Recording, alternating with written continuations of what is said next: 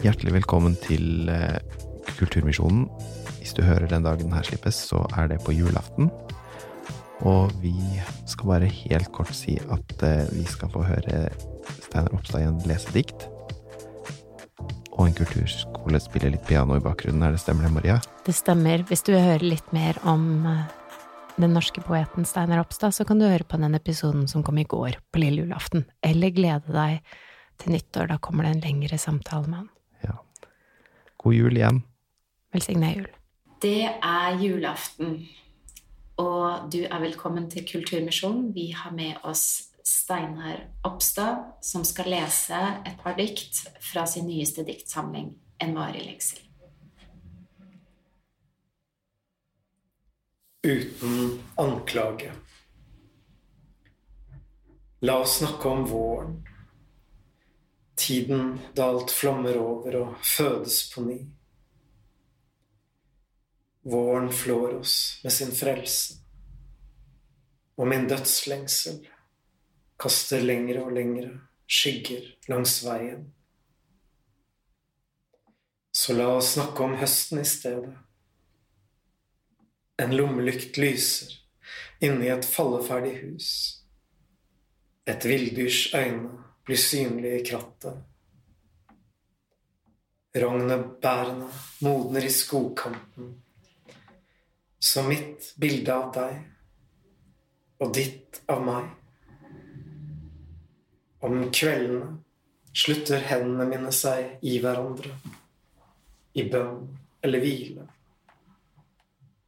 Kjærligheten går i ett med arbeidet og rommer ikke lenger noen anklage.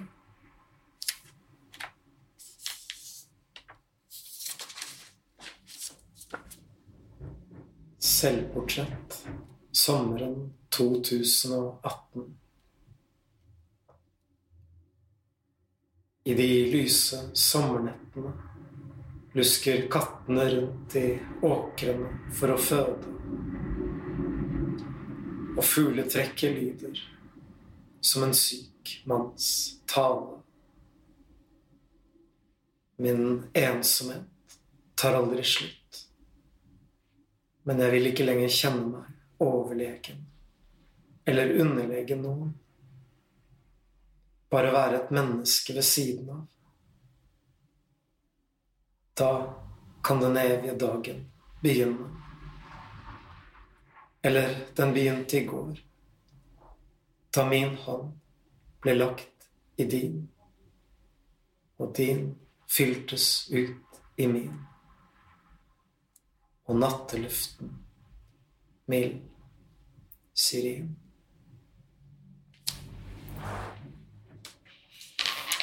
Takk, Steinar. Vi er jo på et eh, kirkekontor på Bislett, og utenfor så har vi hørt trikken gå forbi i bakgrunnen. Og du har valgt disse to diktene for oss på julaften.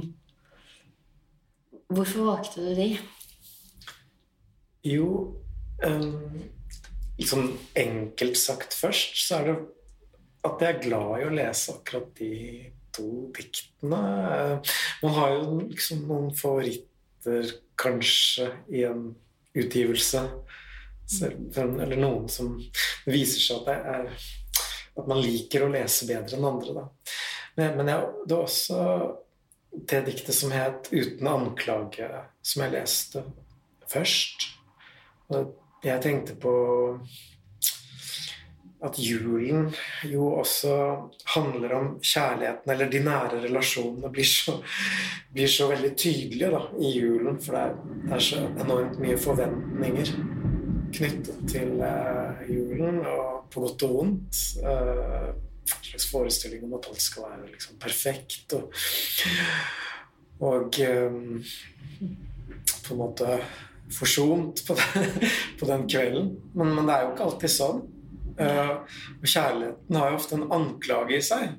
Det, det syns jeg er interessant. Men i det, i det, diktet så er det liksom noe forsont mot slutten. Endelig har ikke kjærligheten noen anklage. Jeg tror ofte at ikke kjærlighetens skygge da, er anklagen Mm.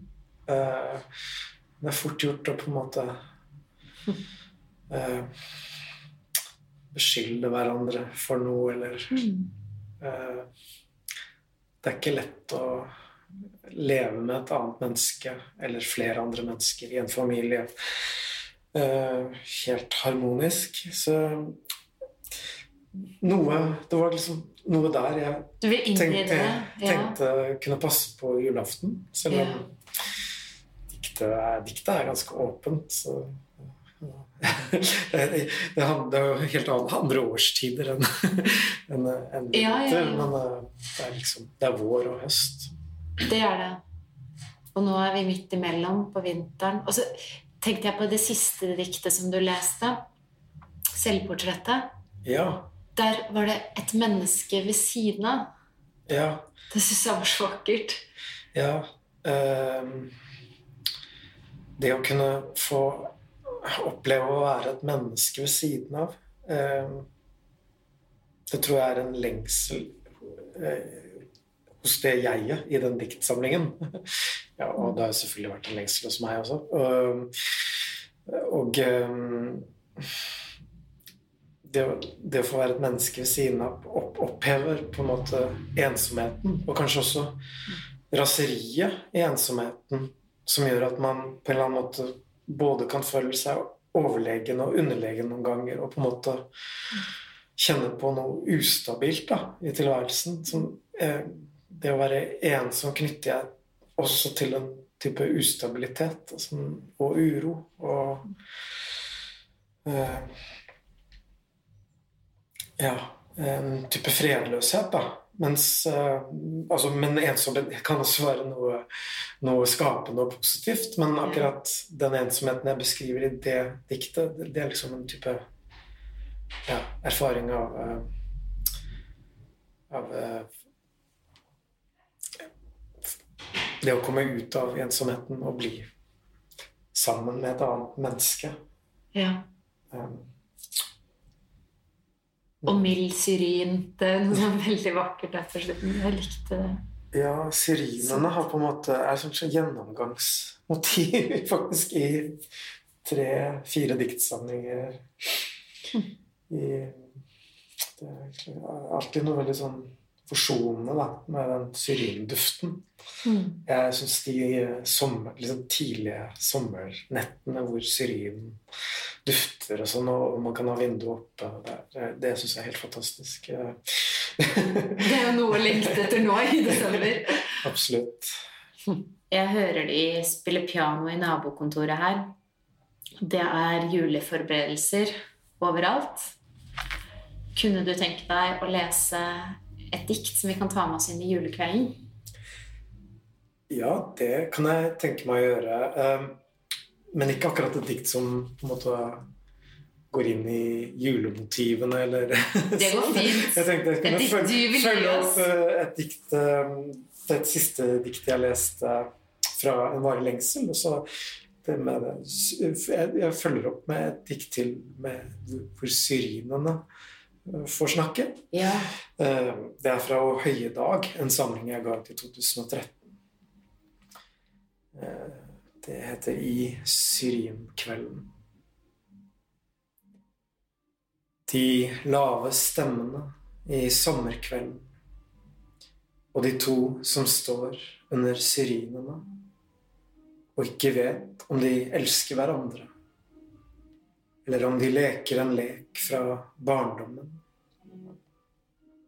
de unges skyhet, gjemt i de hemmelige duftene, i den svale kveldsluften, som ordene vi søker for å forklare vår kjærlighet. En duft, et syn, gjemt eller glemt. Kulturmisjonen er en podkast fra stiftelsen Areopagos. De arbeider med livssynsdialog, religionsstudier, bistand og kristen spiritualitet. De har medlemsforeninger i Norge og i Danmark. Du kan bli medlem og lese mer om stiftelsen på areopagos.no.